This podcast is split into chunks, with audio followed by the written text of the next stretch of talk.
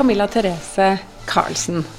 Nå er du her på Dramatikkens hus i dag for å prøve opp forestillingen Erlin, som du skal ha på Riksscenen. Eh, og du har vært på en liten skrivetildeling her og har jobbet ut dette. Det er noe som du har basert på din oldefars muntlige fortellinger om samiske sagn.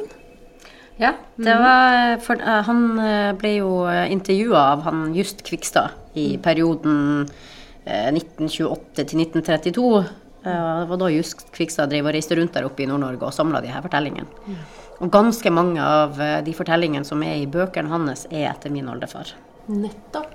Og så veien til at dette her har blitt en eh, sirkus, eh, teater, akrobatisk, tekstbasert, eh, med joik, forestilling. Eh, hva var det som gjorde at du tenkte at disse tingene her skal jeg knytte sammen? Jeg har jo vokst opp med den her eh, i uh, generasjonen Skam rundt akkurat det samiske. Så uh, jeg var jo i tenårene da mamma kom og fortalte det at uh, vi var samisk. Og det tok jo noen år å ta det inn og akseptere det her. Og i den tida så drev jo mamma på og, og tok det tilbake sjøl og gikk ut i offentlighet og viste seg fram i samiske klær og, og tok all den dritten som kom med det da, fra lokalsamfunnet. Så hun og bestevenninna de sto i bresjene og bana vei, sånn at flere og flere kunne akseptere bakgrunnen. Og da tok det masse år for meg. eh, Det tok faktisk tolv år fra mamma kom med denne permen til meg med eventyr og sa Kan ikke du gjøre noe med det her? Jeg har så lyst til det, Camilla. Ja, det tok meg veldig lang tid å komme dit. Og dessverre så rakk mamma å gå bort før jeg kom så langt. Men det var hun som sådde ideen. Hun sådde frøet dypt i mitt hjerte. Og plutselig så fikk jeg jo um, skriveresidens på Lassagami, og så fikk jeg plutselig stipend fra dere, og plutselig så bare skjedde det, og da måtte jeg jo bare skrive. Og så ble det ble det det det ble.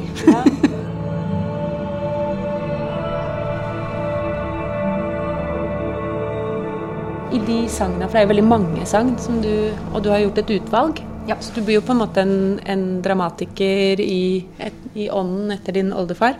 Em, og, og her tar du for deg temaet om døden som en nødvendighet for livet. Tar jeg rett? Ja, på en måte. Altså, jeg ønsker at folk skal tenke litt over at eh, døden er en del av livet.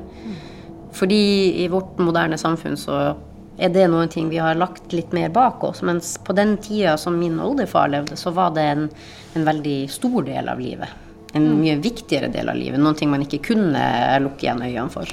Veldig mange av de her historiene så, så dør folk, og dyr dør. I barne, barneeventyrene hvor bjørn og ulven og reven tuller med hverandre, så er det nesten alltid en av dem som dør. Tenker du at mytene liksom er med på å si, forberede oss på livet eller døden? Ja, på begge deler. Du skal lære noen ting gjennom den fortellinga du hører. Og som blir da gjenfortalt og gjenfortalt. Sånn som unger liker. Ja, 'Kan ikke du fortelle den historien en gang til?' Så setter den seg. Og så har dere laga en vil du si en form for en ny sirkusforestilling?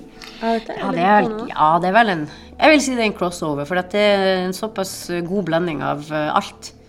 Der er nysirkus inni der, ja da, det er det. Fordi at det er akrobatikken og dansen og sjongleringa og luftakrobatikken har noen ting med teksten å gjøre. Det, den står ikke for seg sjøl, alt er sammen. Så ja, det blir litt som nysirkus.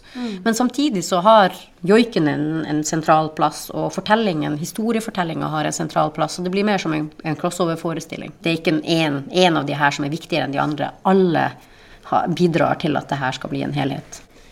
Og i skriveprosessen Jeg starta um, prosjektet Jeg begynte først med å bare skrive om fortellingen litt mer til et litt mer moderne språk. Og så blanda jeg det sammen med bevegelse. Det var det første steget. Så tok jeg det neste steget hvor jeg da gikk enda dypere inn i bevegelsen, og lot bevegelsen inspirere måten jeg da skulle bruke fortellingen på. Og så gikk jeg inn i en skriveprosess hvor jeg virkelig satt og skrev og skrev og skrev og tenkte på tema og det, og hva er det egentlig det handler om, og hvor skal vi gå med det her, hvilken vei skal det ta, osv. Så, videre, og så, så det var masse frem og tilbake, hit og dit, og hva er det som henger over, hva er det som går under, hvordan henger det sammen, bla, bla, bla. Alt skulle ut, og så skulle det tilbake igjen, og så bort med den, bort med den, bort med den. og så var det på gulvet igjen. Og da klarte vi å sette det sammen i en sammenheng. Vi så plutselig en helhet hvor det kunne gå. Vi skapte litt magi og fikk tilbakemelding fra et eh, lite publikum. Og skjønte det at OK, nå er vi på riktig vei. Og da var det igjen sette seg ned og så skrive, skrive, skrive. skrive, skrive. Legge til, legge til, legge til. Så hadde vi en ny prosess på gulvet. Og hvor vi da enda så flere ting hvor OK, vi kommer nærmere sammenhenger, nærmere og nærmere. Og så opp mot premieren, da, så bare OK, nå kommer ting på plass. Mm. Så ja, det har hele tida vært en prosess med på gulvet, jobbe fysisk, la det inspirere teksten, gå tilbake. OK, hvordan har sammenhengene så videre. Ja.